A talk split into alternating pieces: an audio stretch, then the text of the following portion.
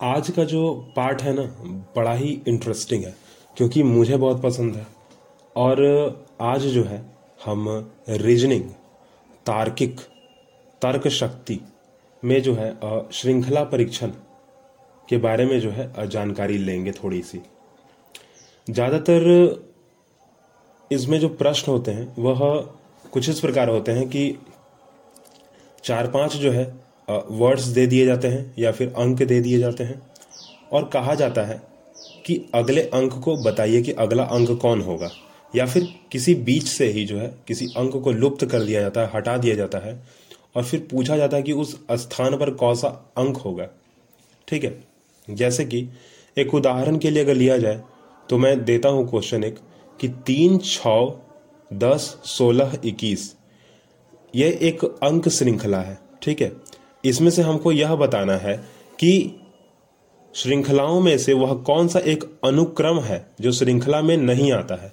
मतलब कि ये जो तीन छ दस, सोलह, इक्कीस, अट्ठाईस जो नंबर है लाइन से लिखे हुए, श्रृंखला में जो लिखे हुए नंबर हैं, इनमें से कौन सा एक नंबर है जो नहीं आता है उस जगह पे? आना नहीं चाहिए। लिखा गया है पर आना नहीं चाहिए। उसके जगह पे कुछ और ही होगा। मतलब वो गलत लिखा हुआ है। आप गलत चीज़ को जो है डिटेक्ट कीजिए।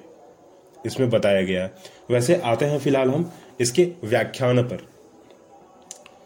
अक्षर या फिर संख्याओं का वह अनुक्रम जिसमें अक्षर या फिर संख्या किसी निश्चित नियम अनुसार व्यवस्थित हो, उसे क्या कहते हैं भाई? तो श्रृंखला कहते हैं।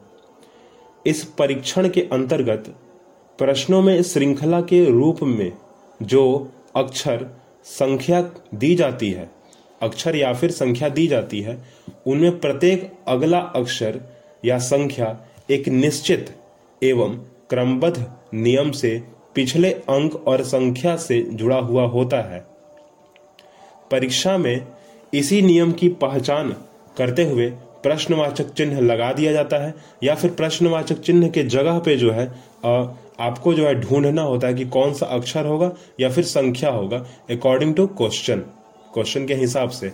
और क्योंकि ज़्यादातर इसमें दो तरीके के ही प्रश्न पूछे जाते हैं, एक होता है अक्षर श्रृंखला, जहाँ पर कख गघ अंग, या फिर अ, आ, ई, या फिर ए, बी, सी, डी, ई मतलब कि अल्फ़ाबेट इंग्लिश में अल्फाबेट्स और हिंदी में स्वर वर्ण और व्यंजन वर्ण। पर ज़्यादातर इसमें जो है, अल्फाबेट्स ही पूछे जाते हैं। और दूसरी है संख्या श्रृंखला। संख्या श्रृंखला में सिर्फ़ और सिर्फ़ नंबर्स आते हैं।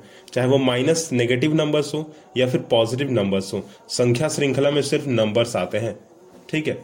आते हैं हम पहले वाले टर्म पे, जिसका कहते हैं अक्षर श्रृंखला। इस प्रकार के प्रश्नों में अंग्रेज़ी वर्णमाला के या फिर हिंदी वर्णमाला के अक्षरों के क्रमांकिक मानों के आधार पर किसी विशेष नियमानुसार व्यवस्थित श्रृंखला दी जाती है, जिसे अक्षर श्रृंखला कहते हैं। दी गई श्रृंखला में परीक्षार्थियों को मतलब जो एग्ज़ाम देने वाले लोग हैं, जो स्टूडेंट हैं, को लुप्त या फिर प्रश्नवाचक चिन्ह के स्थान पर कौन सा अक्षर आएगा या कौन सा शब्द आएगा, उसको बताना होता है। इसके अंतर्गत जो है निम्न प्रश्न निम्नांकित हैं। जैसे पहला मैं उदाहरण के रूप में आपको बताता हूँ, ठीक है? क्या है? यहाँ लिखा हुआ एक प्रश्न, नीचे दिए गए विकल्पों में दी गई श्रृंखला में लुप्त अक्षर समूह चुनिए। पहला समूह है बी सी डी दूसरा समूह ई एफ़ जी तीसरा समूह आई जे के चौथा समूह एन ओ पी और पांचवा समूह टी यू भी। और आगे है क्वेश्चन मार्क इस पर बताना है कि कौन सा समूह आएगा। तो इसका आंसर होगा ए बी सी ठीक है? कैसे होगा? पहला जो दो अंक है, सभी समूह के पहला जो दो अक्षर है, वो प्लस वन से हो रहे हैं। और बाकी का जो तीसरा अंक है, सभी के, सभी जो श्रृंखला मैंने बताई, सभी जो मैंने शब्द का ग्रुप बताया, उसमें जो दोनों पहले और दूसरा जो स्थान लिए हुए हैं, वो प्लस वन को ऐड होते हैं प्लस वन उसमें जोड़ते जाइए अगर तो आपको मिल जाएँगे। और जो तीसरा अंक है, उसमें plus one plus two plus three plus four plus five जोड़ते जाइए आपको, आंसर मिल जाएँगे। तो आंसर मेरा आता है ए बी सी ठीक है? अब दूसरा, संख्या श्रृंखला। संख्या श्रृंखला में प्रायः सेम तरीके से ही क्वेश्चन को सॉल्व किया जाता है। और यहाँ पर भी जो क्वेश्चन मार्क है, उसके जगह पे फिल करना होता है, उसको भरना होता है या फिर आपको बताया जाता है कि हाँ ये चीज़ लुप्त है, आपको जो है उसको बताना होता है। इस प्रकार के प्रश्नों में, संख्या श्रृंखला में पूछे गए प्रश्नों में अंक गणितीज्ञ नियमों एवं सिद्धांतों पर आधारित संख्याओं का एक ऐसा अनुक्रम दिया जाता है, जो किसी विशेष नियमानुसार व्यवस्थित रूप से आगे बढ़ता है, चाहे वो प्लस वन हो या माइनस वन हो। परीक्षा में इसी क्रम में आने वाली अगली संख्या, चाहे तो वो लुप्त होती है, चाहे तो वो क्वेश्चन मार्क के रूप में होती है, ठीक है? उसको सही या गलत बताना होता है, या फिर उसके जगह पे उसको फिल करना होता है। हम उसी तरीके से उसको क्वेश्चन को सॉल्व करते हैं। आते हैं एक प्रश्न पे। प्रश्न में हमें पूछा गया है कि एक अनुक्रम दिया गया है। एक श्रृंखला जो है दे दी गई है जिसमें एक संख्या लुप्त है। वहाँ पे क्वेश्चन मार्क दे दिया गया है। दिए गए विकल्प में से आप आंसर को चुनिए आप जो है उत्तर चुनिए। क्वेश्चन है 49, 64, क्वेश्चन मार्क 100, 121 और इसका आंसर आएगा 81 कैसे आएगा? तो 49, 64, 100 और 121 और 64 और 100 के बीच में क्वेश्चन मार्क है। आपको पता होगा कि 49 जो है वो 7 का स्क्वायर होता है 64 जो है वो 8 का स्क्वायर होता है 100 जो है वो 10 का स्क्वायर होता है 121 जो है 11 का स्क्वायर होता है। तो क्वेश्चन मार्क पे क्या आएगा? क्वेश्चन मार्क पे आएगा 81 क्योंकि 9 का स्क्वायर है ना? सेवन का स्क्वायर एट का स्क्वायर नाइन का स्क्वायर टेन का स्क्वायर और इलेवन का स्क्वायर। श्रृंखला जो है मैच हो जाती है। प्रश्न इसी प्रकार से दिए जाते हैं।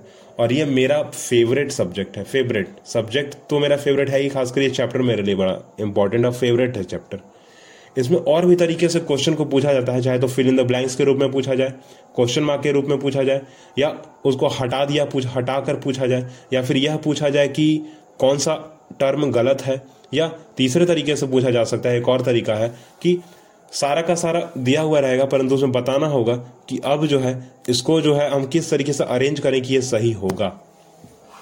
श्रृंखला परीक्षण में ये सारी की सारी चीज़ें आती हैं।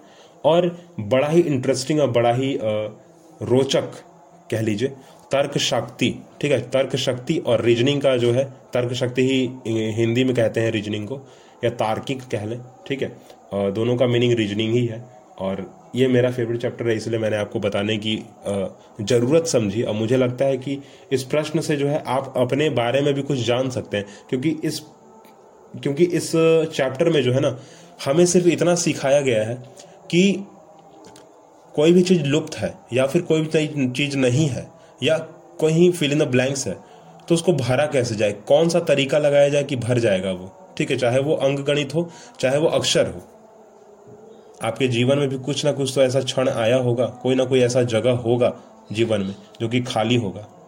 अब आप ही को वो सोचना है कि उस जगह पे किसको लाया जाए, किस तरीके से लाया जाए और कौन सी तार्किक लगाई जाए, कौन सी तर्क शक्ति लगाई जाए, कौन सी रीजनिंग का प्रयोग किया जाए, कौन से रूल रेगुलेशन का फॉलो किया जाए, ठीक है?